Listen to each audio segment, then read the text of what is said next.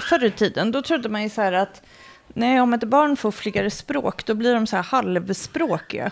Mm. Att de liksom inte har kapaciteten att kunna liksom flera språk väldigt bra. Medan idag tror jag att det är tvärtom, att man säger att genom att ha ett modersmål Mm. så, så är det bara liksom plus att lära sig fler språk. Être femme, ce n'est pas une donnée naturelle. C'est le résultat d'une histoire. Den är inte liksom according. Vad menar du när inte according to? Men den är inte, kommer in en person som kanske ritar kartor eller är kart. Non, finalement, ça s'est pas trop mal passé. La semaine prochaine, ça va être toi dans une pareille match. Hein? Hej, jag heter Lisa. Och jag heter Kattis. Idag kommer Lisa intervjua min kära vän Ann-Sofie som är tvåbarnsmamma till Ester som är 11 år och Alma som är 7 år. Jag träffade Sofie under pluggtiden i Paris och då var vi båda ungdomar med rosiga kinder som utforskade staden. I samma period startade även en kärlekshistoria. För Sofie träffade då hennes nuvarande man, Ladji, som kommer ursprungligen från Elfenbenskusten men som har bott många år i Paris. De bestämde sig sedan för att flytta hem till Sverige och skaffa barn. Där Sofie nu jobbar på Sida och genom hennes jobb har de skickats ut på missions med hela familjen i olika länder. Ja, ni fattar. Många kulturer blandade där. Och många språk. Så det är vi förstås nyfikna på att utforska här i Riviera-podden. Så jag passade på att bjuda in Sofie och hennes döttrar att vara med i podden när de kom och hälsade på mig på höstlovet. Så det här avsnittet är fullt av busiga barn och mammor som försöker fokusera mitt i alltihop. Och en viskande producent. Men hur många språk får ett barn med sig naturligt egentligen? Ja, det var en fråga som Sofie ställde sig redan när hennes första dotter Ester skulle börja på dagis. Hon gick på vanligt svenskt kommunalt dagis och vi försökte liksom, jag har nog alltid försökt prata mest svenska med henne. Men jag märkte på något vis att även fast Ladje pratade en del franska med henne så liksom hon förstod, Nej. men hon började aldrig prata. Det kom liksom aldrig naturligt för henne att börja prata franska. Vilket gjorde att eh, när hon var tre år så fick vi reda på att vi hade ett eh, franskspråkigt eh, dagis i Stockholm. Eh, vi bodde i Bromma, men det låg inne vid Odenplan och det var ungefär på vägen till mitt jobb. Liksom. Så då bestämde vi att skriva in henne på det dagiset. Det var ett privat dagis. Eh, och vi hade jättetur, för det är inte så lätt att få in barn på det dagiset. Men hon kunde komma i alla fall och fick börja. Och då märkte jag bara, ja men ett par månader efter hon hade börjat så pratade hon liksom, då kunde hon svara på franska och så här när min man pratade franska med henne. Från att hon tidigare bara hade förstått men alltid svarat på svenska. Så switchade hon och liksom började prata franska, att det blev väldigt naturligt för henne att Men var, prata var det det bara med sin franska pappa. då på det dagiset? Ja, Då, det var första gången ni flyttade utomlands var, när Just barnen det. var... Eh, ett och ett halvt Yes. och eh, fem och ett halvt. Fem och ett halvt. Eftersom det är fyra år mellan dem. Mm. Ja, precis. Nej, men och då flyttade vi till eh, ett franskspråkigt land ju. Så då gick de på en internationell, eh, men franskspråkig, fransk-engelskspråkig skola. Och eh, det blev ju, jag tror att det blev eh, jättestor omställning. Framförallt eh, franskan hade i alla fall Ester med sig från hemma, så det kunde hon och kände till. Hennes pappa är afrikan. Hon kom till ett land där de flesta ser ut som han gör, för det är grannland till Elfenbenskusten som min man är ifrån. Så att jag tror på något vis att hon kände sig ganska hemma där Mm, från ja, början. precis. liksom. och hon, Vi har alltid ätit lite så afrikansk mat och he- hemma och liksom lyssnat på afrikansk musik och så. här. Så att jag tror inte att det blev så, så himla chockartat, utan lite så här, Mm. wow, här åker jag till Afrika och jag kommer lite hem liksom. Mm. Så tror jag. Hon får svara själv på hur hon upplevde det. Men det känns som att hon liksom fick så båda sidorna av sin identitet lite grann.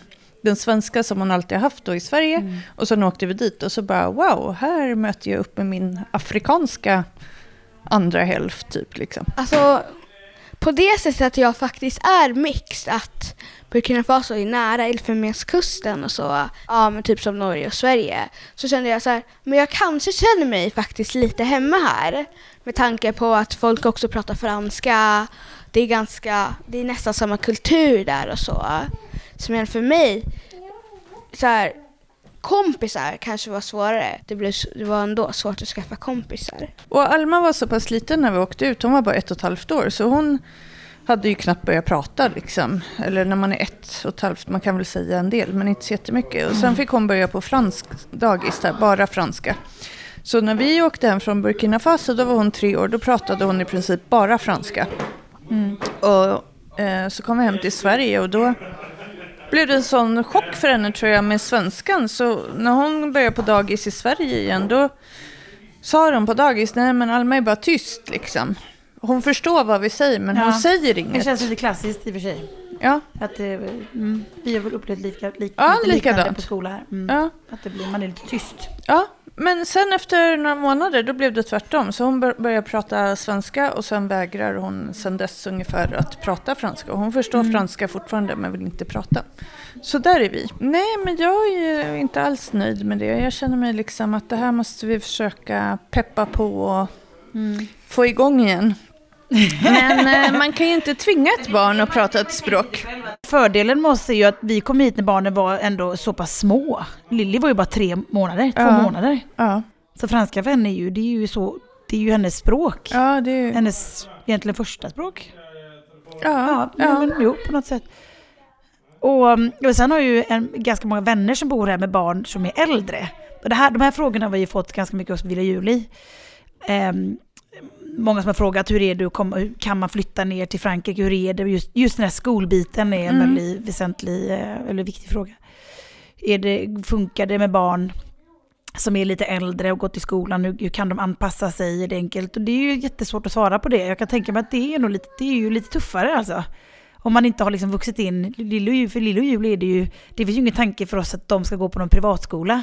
Nej. Dels av en ekonomisk anledning, Ja. men också, de kan ju franska flytande. Ja, ja, ja, gud ja. Så det är ju, men... men Nej men och sen, jag vet inte, i den skolvärlden så här, som vi åkte runt med, eftersom vi gör liksom, vi jobbar ju på svenska ambassaden när vi åker ut och jobbar och då är man oftast inne i den här liksom diplomatiska cirkeln med många internationella skolor och de är så himla duktiga och liksom utbildade i att ta emot barn från hela världen som kanske inte har språkförutsättningar när de kommer. Så att det finns väldigt mycket så stödresurser. Och det är ju väldigt tacksamt liksom, så när barnen kommer och inte kan ett ord engelska och all undervi- undervisning är på engelska. Så har de extra resurser de sätter in under ett tag för att barnen ska liksom komma in i systemet och lära sig lite i taget. Och skolorna är så himla vana vid att arbeta på det sättet. Och det kan jag tänka mig är svårare kanske om man kommer in till en vanlig fransk kommunal skola. Att de kanske inte vet exakt hur man tar emot elever som inte pratar språket från början. Eller det kanske de är, jag vet inte. men tror, tror du engelskan är enklare att ta sig an än franskan för barn? Ja, men jag tror faktiskt det när du säger det. Dels för att man är så van även i Sverige att höra så mycket liksom, engelsk musik, engelsk liksom, tv, engelsk ja, spel, iPad, Ja, whatever. det har jag förstått att det är, det är lite lättare. Och att det är mycket mer likt svenskan såklart, att det kommer från samma språkfamilj. Franskan, Ester, nu när hon sitter hemma, hon har det som eh, liksom hemspråk. Hon sitter ju där med sina franska läxor och bara, åh, det är jobbigt med grammatiken. Och man fattar inte varför det stavas på det här sättet när det uttalas så här. Nej, och så här. precis. Så att, eh, Det tycker ja, vi det också, tror jag. vi vuxna. Ja, det tycker vi alla. Absolut. Men eh, om man vänder på det hela då. Liksom, ni flyttade ner, Ja. barnen var, och då slungades de in från dag ett i en fransk skola. Där, Ja, ba, där de bara dag ett, franska. Juli, juli kom ju ner hit, var i ettårsåldern, när vi kom hit. Och eh, hon, ehm, så hon började ju på dagis, franskt dagis. Och så det var Från ju... ett års ålder eller hur liten Nej, var hon hon då? var väl... Um, Juli gick ju hos en nunu. Dagmamma. Mm. Och där märkte vi ganska fort att franskan, den kom ganska fort. Mm. Och ehm, sen så började hon ju dagis. Så det, vi har aldrig upplevt det som att det var, varit någon struggle överhuvudtaget med språket. Det har varit bara så naturligt att jag har ju ingen erfarenhet av, jag kan ju inte uttala mig någonting om svensk skola eller svensk dagis, jag har ingen erfarenhet av det, eh, mina barn. Men ehm, språket har aldrig varit den, de, har, de är ju som små svampar, har sugit åt sig rätt så fort. Eh, och Lilly började ehm, dagis här när hon var 11 månader. Vad Och- pratar de för språk med varandra då? Eh, svenska. Okej. Ibland franska. Man Ja. märker att den kommer att den kommer mer och mer tillsammans, när de är tillsammans, när de leker tillsammans. Ehm, här hemma så pratar vi ju, vi pratar ju svenska. Mm. Men ibland så tycker jag att det är lite kul att öva själv, så då, då pratar jag med dem. Och Juli börjar ju nu, märker man, du kan ju fråga henne saker. Vad sa han? Vad sa han? Ja, och så berättar hon. Som ingenting. och jag blir så jävla imponerad. Man blir ju, man bara, åh, som mamma blir ju, jag tycker det är så häftigt.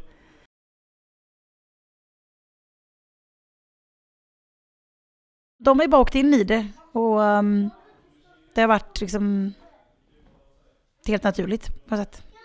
Sen så tycker de att det är jättekul att komma hem till Sverige. Och Hur prata ofta är ni hemma då, Nej, liksom? väldigt sällan. En gång om året kanske. Okej. Så Och hur då- länge är ni hemma då? då? Är det ett par veckor eller är det någon månad? lite eller? semester. Eh, ja, en, två veckor kanske. Mm. Något sånt där. Men det är, det är ju som du nämnde innan Sofie, att det är så viktigt för dem. Svenskan är ju jätteviktig.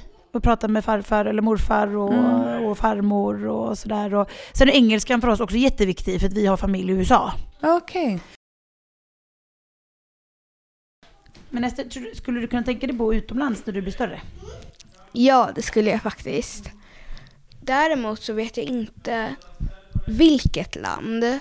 Men om jag ska vara ärlig, kanske inte ett uh, fransktalande land.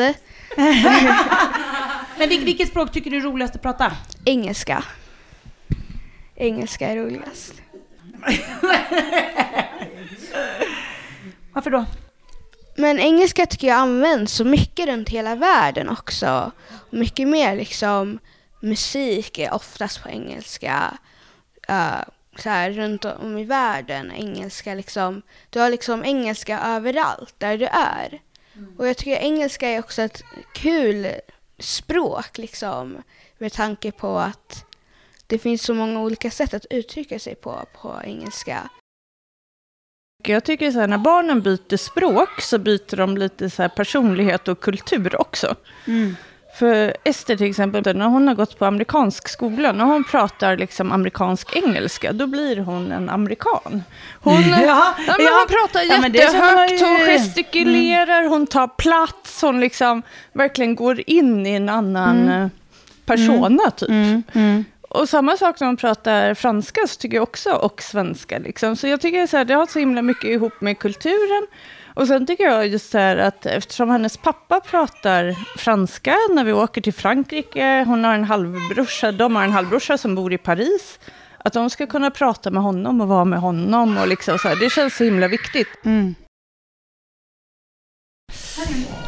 Okej, så ni tjejer då? Vilka, vilka, kan ni presentera er? Vad heter ni och hur gamla är ni och vilka språk pratar ni? Eh, Jag heter Ester, jag är 11 år gammal och jag pratar svenska, franska och engelska. Det är Julie. Jag är fem år. Pratar franska, svenska, engelska. Vart bor ni någonstans då? Jag bor i Sverige. Jag bor i, i Frankrike. Okej. Hur, hur är det att kunna prata mer än ett språk? Eh, Jag tycker faktiskt att det är ganska praktiskt att kunna fler språk. Beroende på vad det ska göras. Kan liksom, det kan vara väldigt, det kan behöva, behövas liksom att eh, kunna prata olika språk. Så jag är ganska stolt över mig själv att kunna mer än ett språk. Vad är det bästa du vet? Jag vet faktiskt inte, men jag tror det bästa jag vet är nog att resa runt med familjen och kompisar faktiskt. Din mamma berättade ju om att du flyttade ner till Burkina Faso som femåring för oss innan. Ja. Hur, kommer du ihåg, har du något minne från det? Kommer du ihåg hur det var att komma till ett nytt land på det sättet?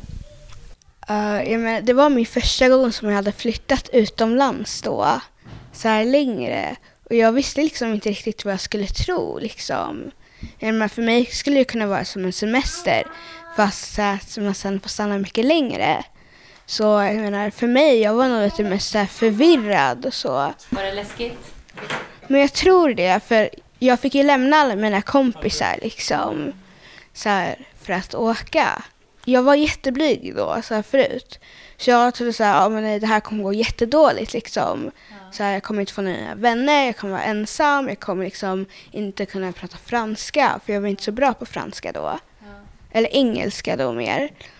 Um, fast det gick bra ändå. i slutet tycker jag. Vad heter du? Jag heter Lilly. Vad leker man på höstlovet? Eh, Teija är Julia. Teija och Julia, är det dina kompisar? Ja. Cyklar man också? Ja, man cyklar också.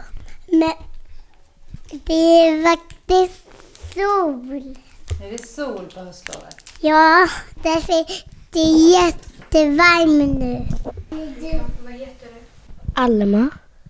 Hur gammal är du? Sju. Vilka, vilka språk pratar du? Franska, engelska och svenska. Vart bor du någonstans? I Sverige. Skolan. Ah, t'as un petit chéri? T'as un petit ami? Comment il s'appelle alors? Constantin. Constantin. Ah, c'est ton chéri, Constantin. Ah ouais? Il est mignon? Ja. Tu l'aimes bien? Tu lui as fait un Mais il veut pas jouer med moi. Il veut pas jouer avec toi. Pourquoi? Parce que Et toi, tu veux jouer à quoi? Julia. Tu veux jouer avec Julia? C'est quoi ça? Avec Julia. Ah, d'accord. Lui, Constantin, il veut jouer avec Julia? Ah bon? Il veut pas jouer avec toi. Il veut jouer avec Julia. C'est un peu n'importe quoi, ça, hein? Oui? Il veut, mais il veut pas jouer parce que Parce que... Tu sais pas pourquoi? parce que il veut pas manger. Il veut pas manger. D'accord. Alma tycker är lite tokinspelning. Lätt att man glömmer bort franska när man är i Sverige. Det är väldigt lätt. Jag kommer ihåg när liksom typ, men så här, nu håller jag redan på att glömma bort min franska. Liksom om jag skulle pra- om jag, när jag pratar med min pappa, det är jättelätt att jag glömmer bort jättemånga ord. Liksom. Jag går på franska lektioner som ett hemspråk liksom varje tisdag före skolan, en halvtimme. Och då har, finns det en speciell lärare som liksom jobbar med att äh, lära barn och, eller så här, och få, få dem att hålla kvar sin franska och lära dem även mer.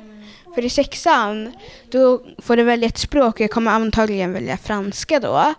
Och då får man betyg. Så hon liksom hjälper, så här, om du går i femman så här, då hjälper hon dig liksom att förbereda dig för sexan med betyg och så. Så det är ett jättebra sätt att hålla kvar sin franska på, tycker jag. Okej ladies, så vad har ni för tips för alla föräldrar som sitter hemma i Sverige och lyssnar? Som vill att deras barn ska lära sig flera språk? Ja, du menar om man bor i, även om man bor i... Nej men det här med att ha en, att kanske ha ett, eh, ett fransktalande dagis eller engelska, vad heter det, franska skolan, tyska skolan. Jag menar det finns ju de, de alternativen. Men jag tycker så här, ett språk, man måste verkligen få komma i en kontext där man använder det. Liksom. Oavsett om man går på en fransk eller tysk skola eller bor i ett land. Men att liksom ha så här, två timmar tyska i veckan eller tre timmar tyska i veckan och sen går man hem och så är man i Sverige. Nej, och har ingen precis. att prata med. Liksom, eller liksom inget, och så här, ingen tysk TV. Alltså man måste ju så exponeras Ja. för språket. Ja, Och jag tror att även att bara ha en förälder som pratar mer eller mindre helhjärtat ett språk hela tiden, om det finns ett annat språk som är starkare i familjen, mm. då tror inte jag att det heller liksom går hela vägen, utan man måste nästan få en kontext där barnet känner att det här är det enda språket som går hem här, liksom, som jag kan göra mig förstådd på. För att det verkligen ska liksom, ta fart och ja, liksom ja. bli och utvecklas. Il arrive pas à dormir parce qu'il pense à Lily toute la nuit. C'est ça Il pense à toi Constantin, Oui. il veut pas. Il veut, Constantin, il veut pas C'est comme cela. venir. Il veut pas venir Den här podden är producerad av ingen mindre än Tinka Media.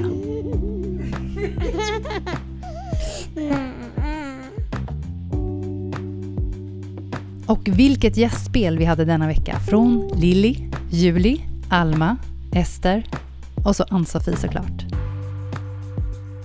Och vår underbara musik kommer från de coola katterna på Blue Dot Sessions. Och om du är intresserad av att synas i vår podd så letar vi just nu efter partners som delar vårt intresse för Frankrike och entreprenörskap. Så om du känner att det här är du, tveka inte att ta kontakt med oss genom att mejla Katarina Katarina med ett K. Tack för att ni har lyssnat. Och vi hörs snart.